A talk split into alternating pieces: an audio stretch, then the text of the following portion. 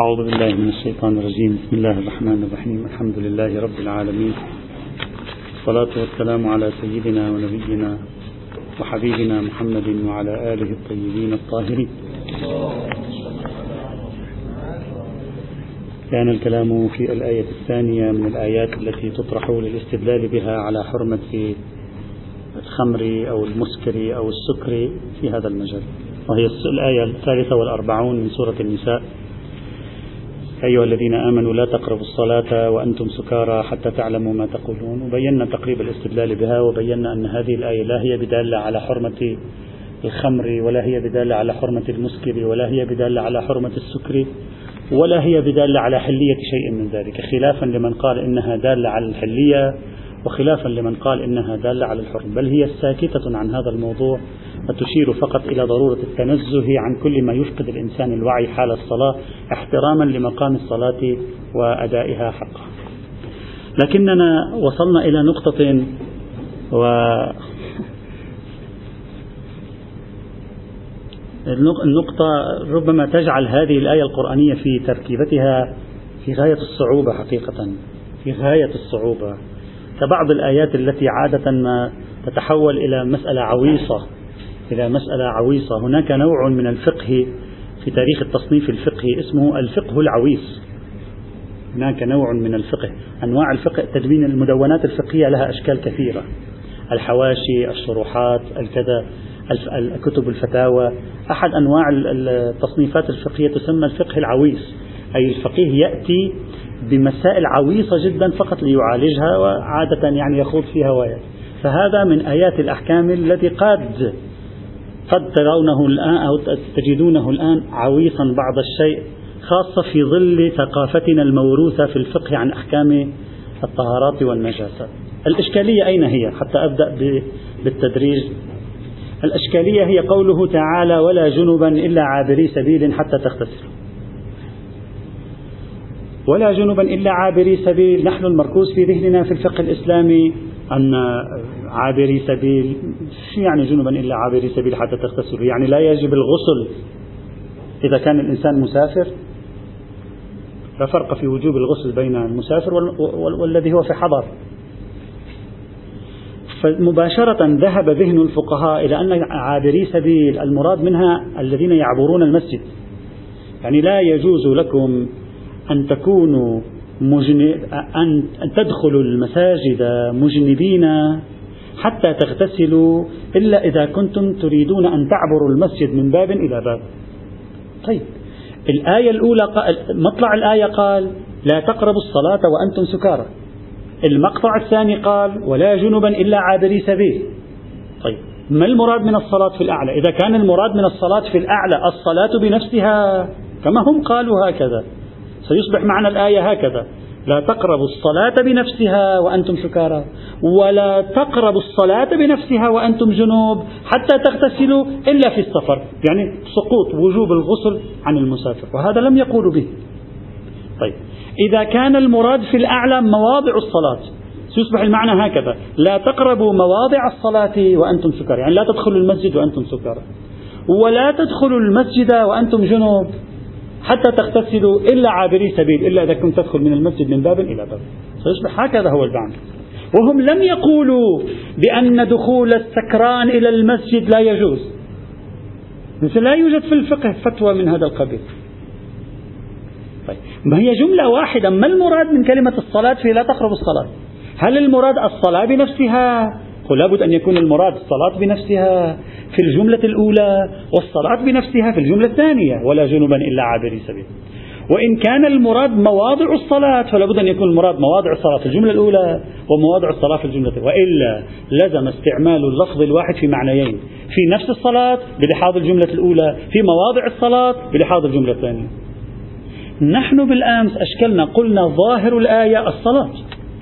كلمة الصلاة تطلق ويراد منها مواضع الصلاة لكن يحتاج لقرينة. أين القرينة هنا؟ لا بالآية بالآية اترك الفقه. نحن بحثنا قرآني. اتركوا القرائن الخارجية. القرائن الداخلية في الآية. نريد أن نفهم ظهور الآية ما هو. اتركوا الفقه الآن في القرائن الخارجية. أين القرينة على أن المراد بالصلاة مواضع الصلاة؟ في المقطع الأول لا توجد قرينة في المقطع الثاني لا توجد قرينة؟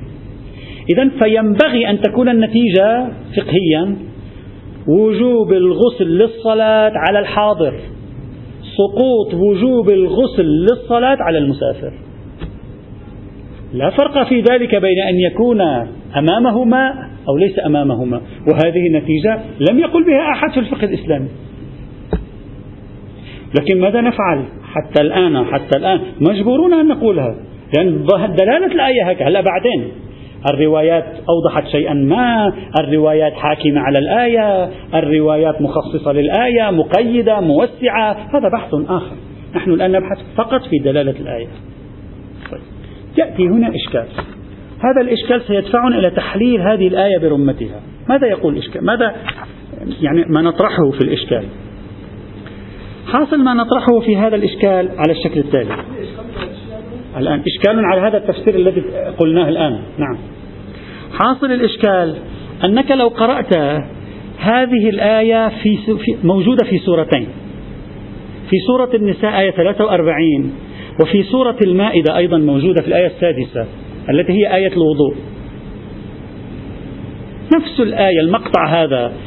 وإن كنتم مرضى حتى قوله فامسحوا بوجوهكم وأيديكم هذا نفس المقطع. في آية بوجوهكم وأيديكم في الآية الثانية بوجوهكم وأيديكم منه طيب. إذا كان المراد من الآية التي نبحث عنها ولا جنبا إلا عابري سبيل حتى تغتسلوا. إذا كان المراد سقوط وجوب الغسل للمسافر فكيف نفهم ذيل الآية. ماذا قال ذيل الآية؟ قال وإن كنتم مرضى أو على سفر فلم تجدوا ماء فتيمموا. يعني معناه وإن كنتم مرضى أو على سفر فوجدتم الماء لا تتيمموا. يبقى الحكم الأصلي الذي هو الغسل أو الوضوء. طيب الآية في جزئها الأول تقول يسقط وجوب الغسل عن المسافر. ولا جنبا إلا عابري سبيل حتى تغتسل. في الجزء الثاني منها ظاهرها تشريع التيمم على المسافر حيث لا يجد الماء. معنى ذلك أن المسافر إذا كان قد وجد الماء ماذا يجب عليه؟ يجب عليه الغسل والوضوء. جزء من الآية يقول لا يجب عليه الغسل إذا كان مسافرا. جزء من الآية يقول يجب عليه الغسل بالدلالة الالتزامية. الآية تتكلم عن تيمم بمدلولها الالتزامي تدل على ذلك. فيقع تهافت في دلالة هذه الآية القرآنية. وبالتالي لا أستطيع أن أقول ولا جنبا إلا عابري سبيل حتى تغتسلوا معناها ولا يجوز لا يجوز لكم أن تصلوا مجنبين إلا إذا كنتم مسافرين فإن غسل الجنابة يسقط مطلقا. لا أستطيع أن أقول ذلك. فتقع في ارتباك في الآية. هذا الموضوع يدفعنا لتحليل هذه الآية الآن ووضع فرضيات تفسيرية فيها. سأحاول أن أذكر لن أذكر جميع الفرضيات التي تأتي في الذهن. سأحاول أذكر اثنين ثلاثة فقط. حتى نعرف كيف تفهم هذه الآية. لنرى كم هي صعبة. الفرضية الأولى. وهذه الفرضية هي التي يذهب إليها مشهور الفقه الإسلامي. والتي نفهمها نحن على أساسها. ماذا تقول؟ تقول هذه الآية إن كنتم مرضى أو على سفر تريد أن تتكلم عن حالتين. الحالة الأولى أن تكونوا مرضى. الحالة الثانية أن تكونوا على سفر. الحالة الأولى إن كنتم مرضى جئتم بالحدث الأصغر الغائط. جئتم بالحدث الأكبر ملامسة النساء. إن كنتم مرضى الحالة الأولى. جئتم بالحدث الأصغر أو جئتم بالحدث الأكبر. الآن الحدث الأصغر والأكبر اربطهما تحت. ولم تجدوا ماء يجب عليكم التيمم. هكذا تصبح معنى الآية. إن كنتم مرضى وجاء أحد منكم من الغائط أو لامستم النساء وجب عليكم التيمم إن لم تجدوا ماء. الحالة الثانية. إن كنتم مسافرين وجاء أحد منكم من الغائط أو لامستم النساء ولم تجدوا ماء فتيمموا. فصارت الآية عبارة عن صورتين. صورة المرض وصورة السفر وفي كل صورة صورتان صورة الغائط اللي هو الحدث الأصغر وصورة ملامسة النساء اللي هو الحدث الأكبر. ولم تجدوا ماء يجب عليكم التيمم. وهذا هو الذي في الفقه الإسلامي. في الفقه الإسلامي هذا هذا. نحن في الفقه الإسلامي هكذا. لكن أخي العزيز هذا التفسير يتصادم مع ظاهر الآية القرآنية. لأن الآية لو كان هذا هو المراد منها لكان ينبغي أن تكون هكذا. قال تعالى كان ينبغي أن تكون هكذا. وإن كنتم مرضى أو على سفر وجاء أحد منكم من الغائط أو لامستم النساء. كان يجب أن يكون العطف بالواو. كان يجب أن يكون العطف بالواو. يعني إن كنتم مرضى وجئتم بالغائط أو ملامسة النساء تيمموا. إن كنتم مسافرين وجئتم بالغائط أو ملامسة النساء تيمموا. إن لم تجدوا ماء. ينبغي أن يكون العطف بين الجزئين الأولين مرضى والمسافر وبين الجزئين الثانيين بالواو لا بأو لأن أو تدل على أن الأربعة في عرض بعضها بعضا. بينما على تفسيرك صار الاثنان الأخيران تحت الحالة الأولى اللي هي المرض والاثنان الأخيران مرة ثانية صارا تحت الحالة الثانية اللي هي السفر. هذا خلاف ظاهر الآية. ارجع اقرأ الآية أقرأ لك الآية حتى تلتفت كيف أنه الآية في مكان وما نأنسه فقهيا في مكان آخر. الآية تقول وإن كنتم مرضى أو على سفر أو جاء أحد كله في عرض بعضه أو لامستم النساء فلم تجدوا ماء فتيمموا صعيدا. طيبا إذا لا إشارة في الآية إلى أن جاء أحد منكم من الغائط أو لامستم النساء فرع البرد وفرع السفر بل في عرض المرض والسفر. فهذا التفسير يواجه مشكلة في الدلالة الأولية وهي حرف أو. ولا نستطيع. بماذا تتأوله؟ تفضل.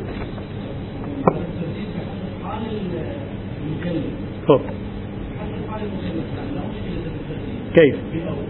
كيف؟ أو يعني إما أن يكون المكلف مريضا عفوا إما أن يكون مريضا أو على سفر. غائط أو أو لمستم النساء. المشكلة في أنك الآن تفكر بالفقه. هذه تفكر بذهنية الفقه. تتصور أنه إذا كان واحد مريض لا يجب عليه الغسل والوضوء والتيمم.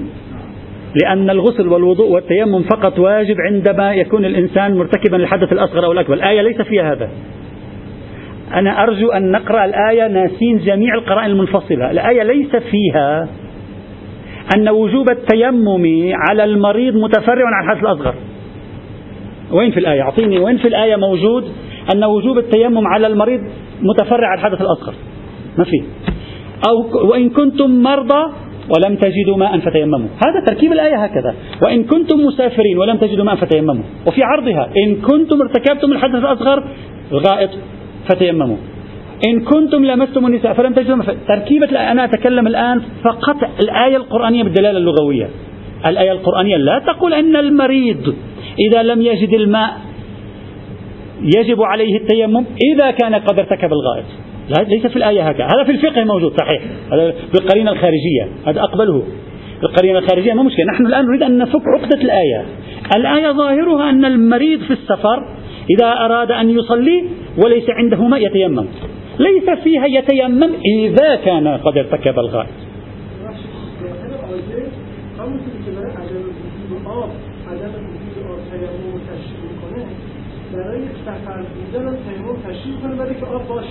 لا لا الذيل لا. ذاك اللي هو ظاهر الآية أو جنبا إلا عابري سبيل حتى تغتسلوا. ذاك, ذاك أتركه. نحن الآن الآن بحثنا كله من عند قوله تعالى وإن كنتم مرضى أو على سفر. الآية تقول إن كنتم مرضى أو على سفر أو جاء أحدكم من الغائط أو لمستم النساء فلن تجدوا ماء. وهذه راجعة للجميع. لأنه إذا كان لم تكن راجعة للجميع تصبح مرضى وعلى سفر أو جاء أحد منكم من الغائط تصبح لا معنى لها. أين الجواب؟ لا جواب.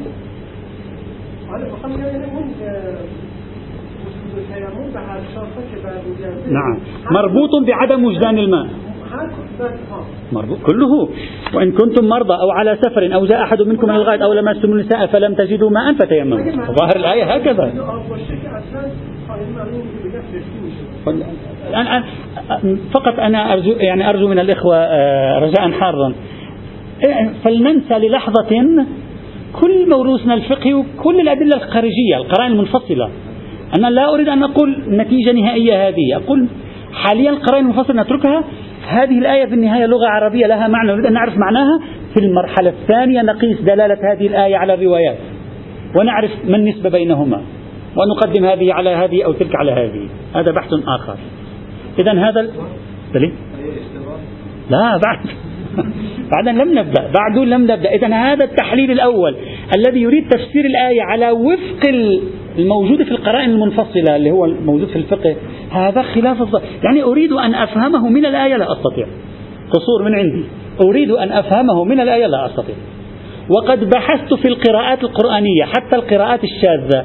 لم أجد على قراءة تقول وإن كنتم مرضى أو على سفر وجاء أحد منكم.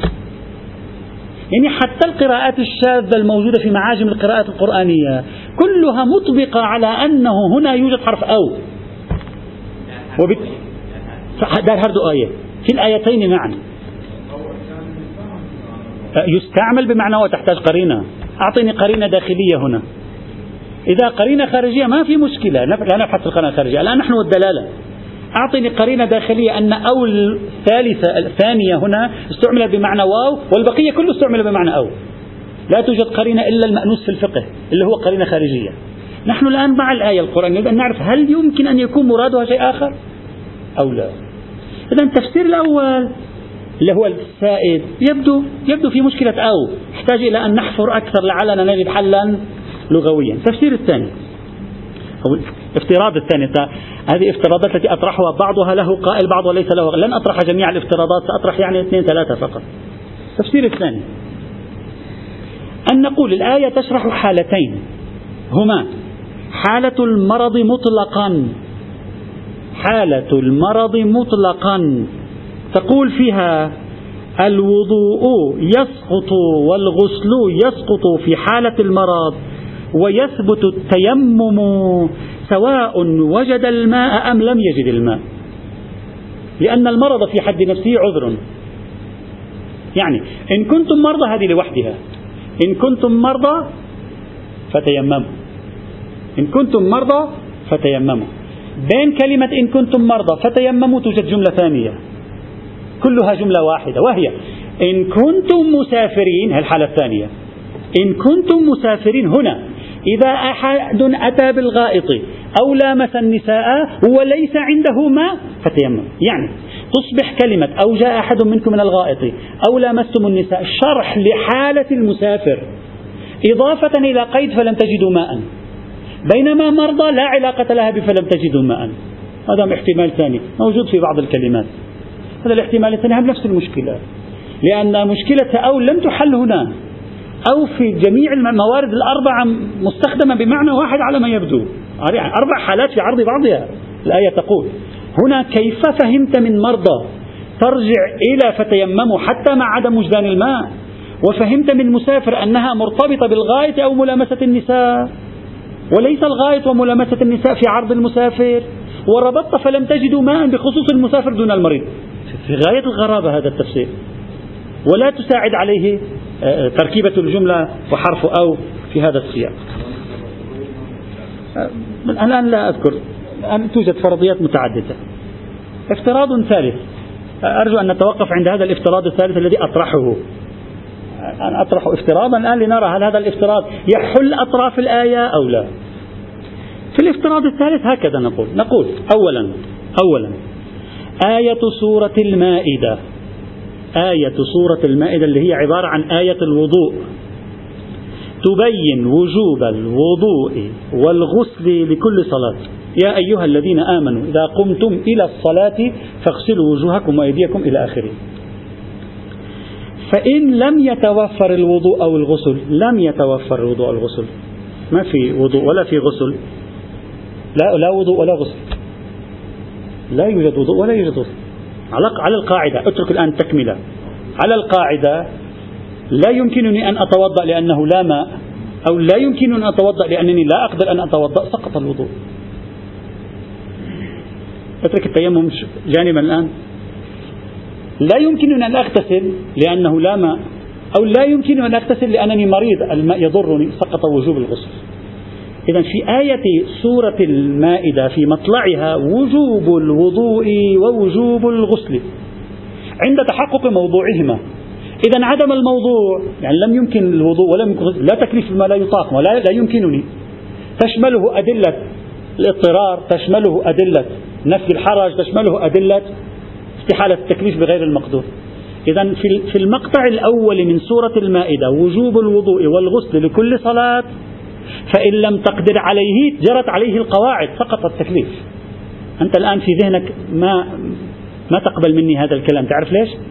لأنك مركوز في ذهنك أنه حيث لا وضوء ولا ولا غسل في تيمم. لا انسى هذا انسى. هذا انساه هذا الآية القرآنية تريد أن تقول لا التيمم ليس بديلا عن الوضوء والغسل في جميع الحالات. انساه الآن. فنرى أن الآية القرآنية تعطي التيمم في حالات محددة فقط. إذا أولا ما معنى سقط الوجوب الوجوب الوضوء أو الغسل على القاعدة؟ معناه أنه يجب عليك أن تصلي بلا وضوء ولا غسل. خلصت هذا هو. هذا أولا ثانيا آية سورة النساء في تعبيرها في قوله تعالى أو جنبا إلا عابري سبيل حتى تغتسلوا. في هذا المقطع تدل على تدل على سقوط وجوب الغسل في حال السفر حتى مع القدرة. مقتضى إطلاقها هكذا.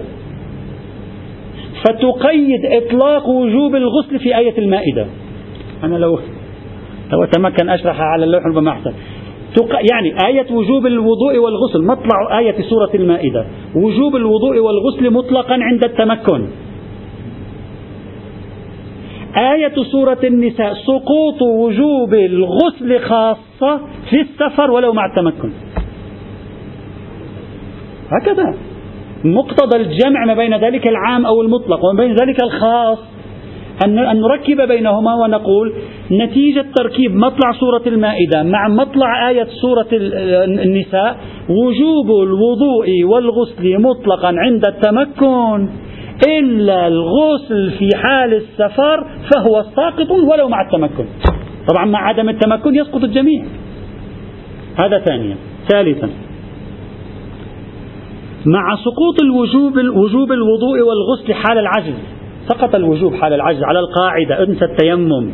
على القاعدة سقط لانعدام موضوعه أو لجريان قاعدة الاضطرار أو الحرج فيه. مع سقوط وجوب الوضوء والغسل حال العجز. ومع سقوط وجوب الغسل حال السفر. هو اللي صاروا ثابتين عندنا. الآن توجد أربع حالات حكمت الشريعة فيها بالتيمم. الآن إذا صار أحسن. أربع حالات حكمت الشريعة فيها بالتيمم. الحالة الأولى المرض مع عدم وجدان الماء. المرض مع عدم لا لا المرض مع عدم وجدان الماء. بعد قليل إذا احتجنا ألخصها. المرض مع عدم وجدان الماء. اثنين السفر مع عدم وجدان الماء. ثلاثة إتيان الغائط مع عدم وجدان الماء. أربعة ملامسة النساء مع عدم وجدان الماء. ماذا قالت الشريعة؟ الآن ما في مجال. لابد أن أوضح الفكرة. فتصبح الآية سلسة طبعا سلسة مع تقييداتها.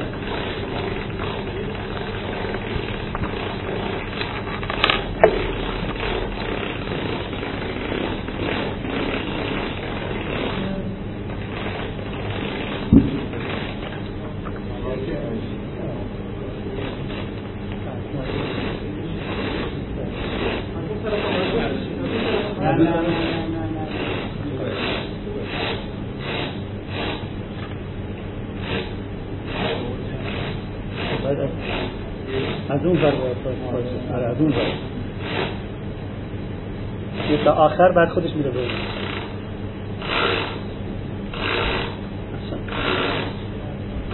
اینجوریه نه اینجوریه. مناسبات الحكم والموضوع تعقيدات متشابهة إذا لا يذهب أي واحد منهم هنا هنا لا يكفي يكفي يكفي لا بأس لا بأس. بعيدة شوي. ها؟ تسجيلا آه سعيد.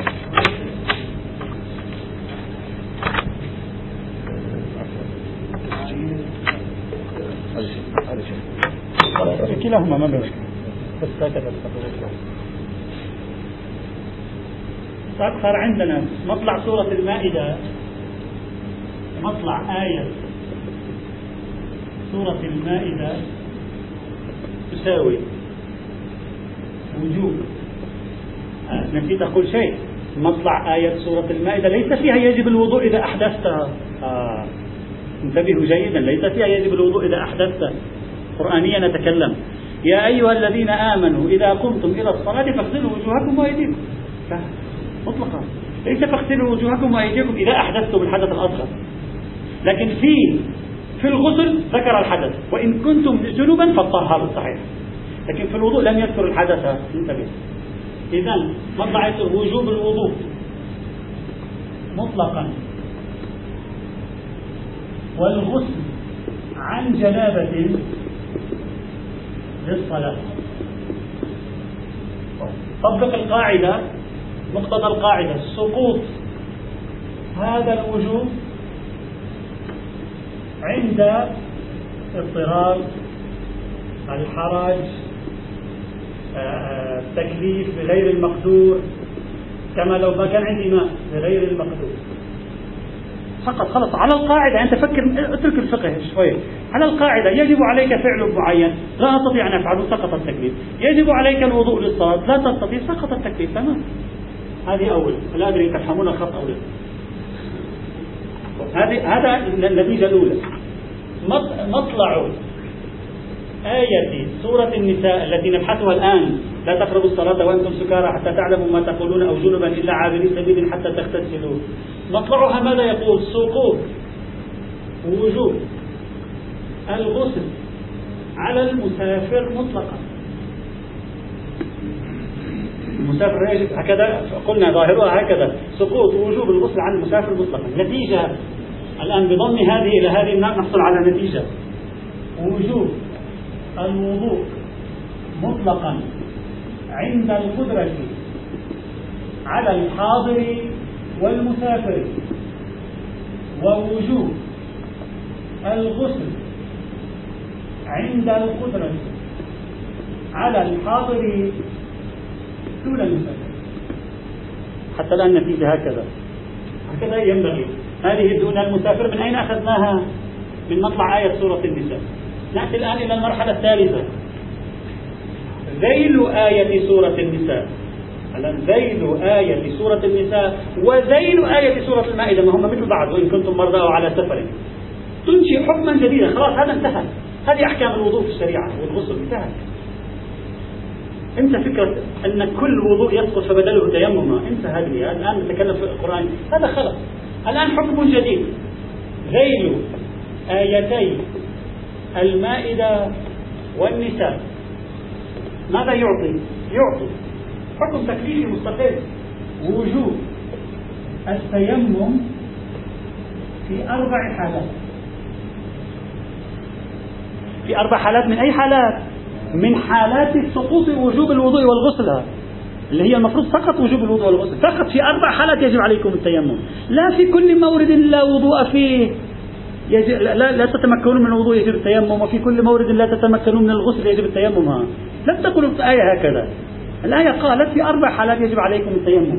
هذه الحالات هي السفر مع عدم وجدان الماء اثنين المرض مع عدم وجدان الماء هلا مع عدم موضوع المرض قد يقال بمناسبة الحكم والموضوع يشمل مع عدم القدرة على استخدام الماء لأجل مثلا إفادته الضرر أربعة عفوا ثلاثة آه، إتيان الغائط مع عدم وجود الماء. إتيان الغائط في الحضر والسفر.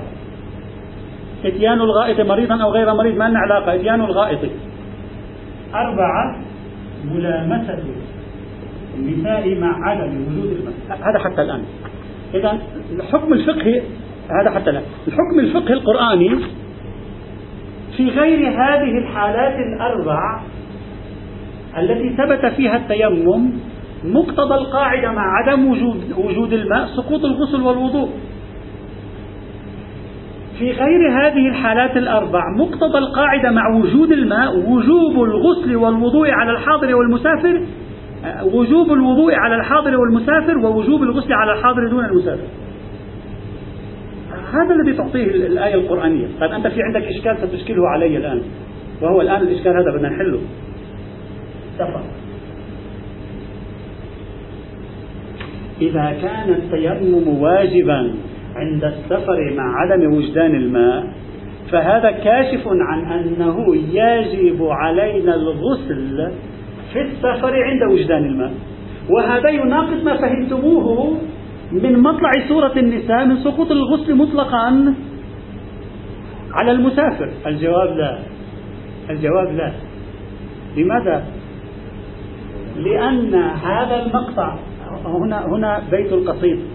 الانتباه هذا المقطع يشكل قرينة متصلة على أن المراد من السفر هنا حكم الوضوء فقط. والدليل على ذلك أنه تكلم عن الغائب مع أن الغائب لا غسل فيه.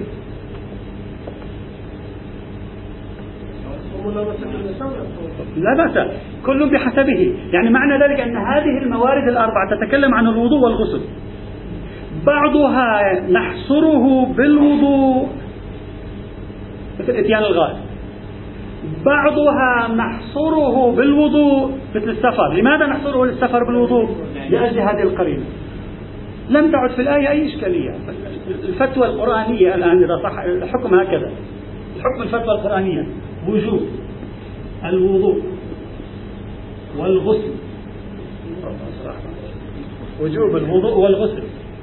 على الحاضر. وجوب الوضوء على الحاضر معذرة والمسافر وجوب الغسل على الحاضر دون المسافر سقوط الوضوء والغسل. حال عدم وجدان. الماء مطلقا. ثبوت وجوب للتيمم في أربع حالات. واحد الوضوء. يعني بدل بدل الوضوء عند السفر مع عدم وجدان الماء بدل الوضوء عند الغائط بدل الغسل عند ملامسة النساء أربعة. بدل الوضوء والغسل عند المرض إذا تقرأ الآية وتنظر في تركيبة الآية مقيدة بعدها بعض هذا هو النتيجة. ولا يوجد تهافت في الآية وتبقى كلمة الصلاة في بدايتها تعني الصلاة. ولا حاجة إلى جعلها تعني مواضع الصلاة وبالتالي لا تقربوا الصلاة وأنتم سكارى. يكون معناها لا تقربوا ذات الصلاة وأنتم سكارى. لا لا تقربوا مواضع الصلاة فرارا من إشكالية ولا جنوبا إلا عابري سبيل.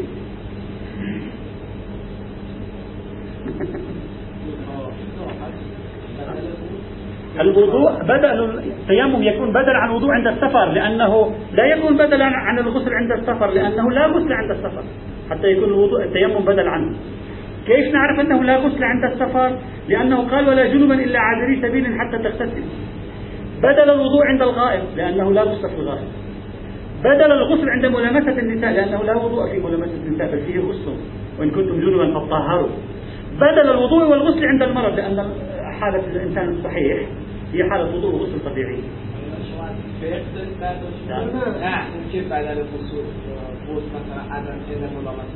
لا ملامسة النساء القرآن وإن كنتم جنبا فطهروا نعم هذه بدل الوضوء عند الغائب هذه فيها شيء من الفقه. ما مشكلة بدل الوضوء والغسل لنفرض أنه بدل شيء لا نعرفه. قدر متيقن منه الوضوء. ما مشكلة. لكن البقية كله بنا إذا تأخذ هذا المعنى للآية ستجد الآية منسجمة. لماذا لا يأخذون هذا المعنى؟ لأنه على النقيض تماما من كل البناء الفقهي عند السنة والشيعة المأخوذ إما من الروايات أو الإجماعات أو الشهرات المفترض أن نأخذ دلالة الآية. هذا تعطيه. ثم نذهب بعد ذلك إلى الروايات. وسائر الأدلة ونقيس النسبة. إذا هذه تخصص نخصص إذا هذه تخصص نخصص إذا هذه معارض نطرحها إلى آخره حق البحث كان أن يكون كذلك. لا أن تهدر دلالة الآية أو أو لا ننظر إليها من البداية بدلالتها الظهورية لأن عندنا نتائج فقهية موجودة في مكانها أنا الذي يهمني هنا هو أن كلمة الصلاة في مطلع الآية سوف يكون بمعنى ذات الصلاة. وجنبا إلا عابري سبيل سوف تكون متعلقة بذات الصلاة. هذا لا أدري إذا اتضحت الصورة أو لا. لا. أعرف دائما إخواني الأعزاء عندما نريد أن نبحث في في مسائل قرآنية ونبحث في فقه القرآن المحض يجب أن نفترض أن الآية لها دلالة ونبحث عن ماذا تريد أن تقول هي في الحقيقة. فيما بعد إذا استطعنا أن نحل العقدة حليناها وذهبنا إلى الحديث لنرى كيف سيعدل الحديث. إذا لم نستطع أن نحل العقدة نقول لا, لا لم نفهم الآية. الآية من العويص الذي لم يفهم. نرجع إلى الحديث مباشرة حينئذ ليس للتيمم إلا أربع حالات. عدم الوجدان. لا ليس عدم وجدان الماء. عدم وجدان الماء للمريض. هو نحن الآن نتكلم في قضية عبادية. عدم وجدان الماء للمريض وللمسافر ولمن دخل الغائط وللملامس النساء. مقتضى الآية أنها. نحن نتصور أن التيمم مربوط بمطلق عدم وجدان الماء مقتضى الآية إذا أردنا أن نقتصر على دلالتها هكذا هلا إذا شخص قال هذه أمثلة لكلي يجب أن يقول لنا ما هو هو الكلي المشكلة الكلي غير واضح هنا إذا لم تكن أمثلة لكلي نقتصر على هذا المقدار بل.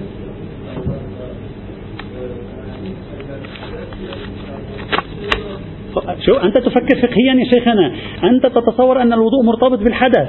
الآية لا تقول الوضوء مرتبط بالحدث. الوضوء الآية تقول الوضوء غير مرتبط بالحدث. الوضوء مرتبط بالصلاة. ما مرتبط بالحدث. في الفقه نعم دل الدليل من الرواية. لكن إذا بقيت أنا والآية الآية هكذا دلالته. بعدين الرواية قيدت هذا بحث آخر.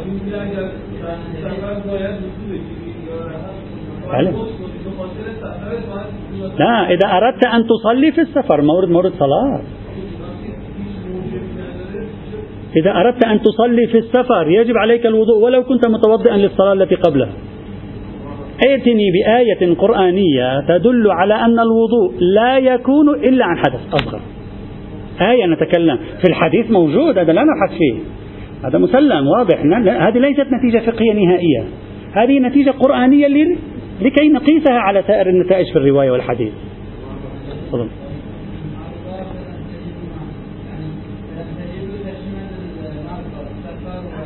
نعم نعم نعم كل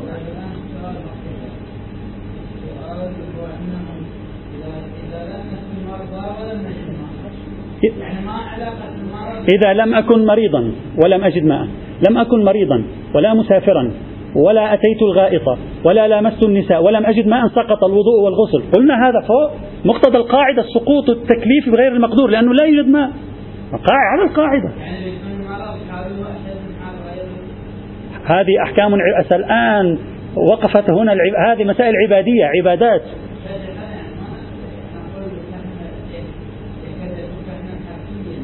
إذا يوجد فهم غير حرفي أعطني الكلية من هذه الأربعة. لا يوجد كلية من الأربعة. خاصة وأن الآية تكررت مرتين في القرآن بنفس التعابير. لم تذكر أمثلة بديلة. خب خب طيب تقيد ماذا؟ السفر وما بعده. وهذا تكلمنا عنه في الافتراض تفسير قبل شوي طرحنا افتراضين تفسيريان هذا الافتراض الذي تقول هو الافتراض التفسيري الثاني وذكرنا إشكاله. نعم. إذا بناء عليه بل.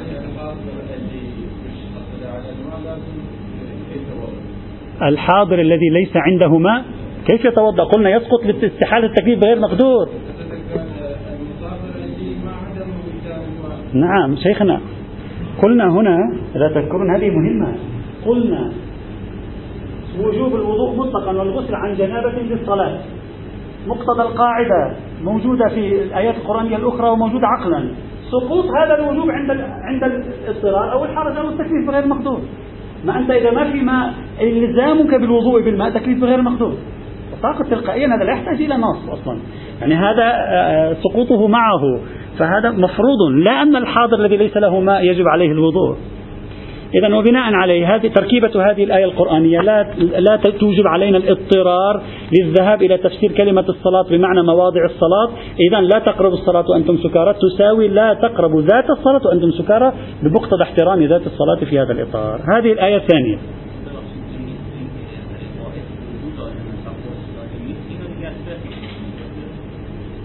نعم. مقتضى القاعدة. نعم نعم.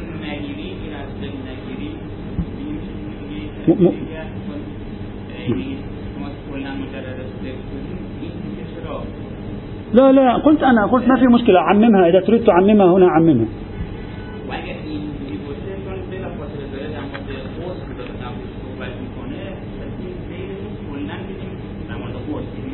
نعم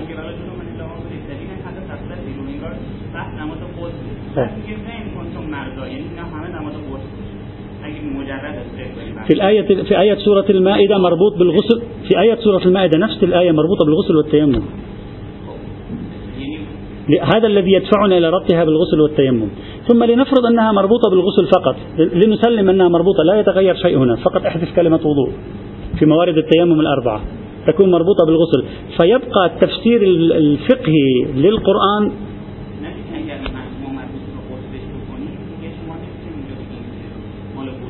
خذ بالك نحذف كلمة الوضوء من هنا.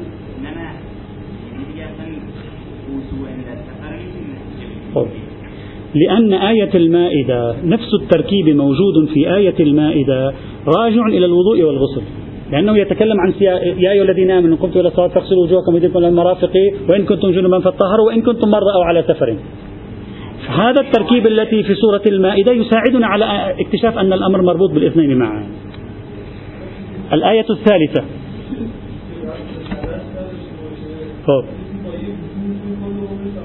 لا بالعكس. عكس هذا تماما. أنت تقول لو شخص لا يحدث يمكن أن يبقى طول العمر بوضوء واحد. أما أنا أقول في كل صلاة يجب عليك التوضؤ. فاصل إيش فاصل النذر فاصل. إذا قمتم إلى الصلاة. يعني كاشف عن أنك لم تكن في صلاة. قمت إلى صلاة. كلما كنت جالسا قمت إلى صلاة يجب عليك الوضوء. أما لو صلاة بشت سرهان لا يقال قمت إلى الصلاة الثانية لأنها متواصلة. ربما يفهم منها وضوء واحد. لكن قمت إلى الصلاة يعني كان منعكسا أنك كنت نائما كنت جالسا كنت في حوار. والآن تريد أن تقوم إلى الصلاة يجب عليك الوضوء. أحدثت أو لم تحدث؟ بحسب الدلالة القرآنية. يأتي الحديث ويقيد بحال الحدث؟ لا بأس. هذا يكون تقييد حينئذ. الآية الثالثة.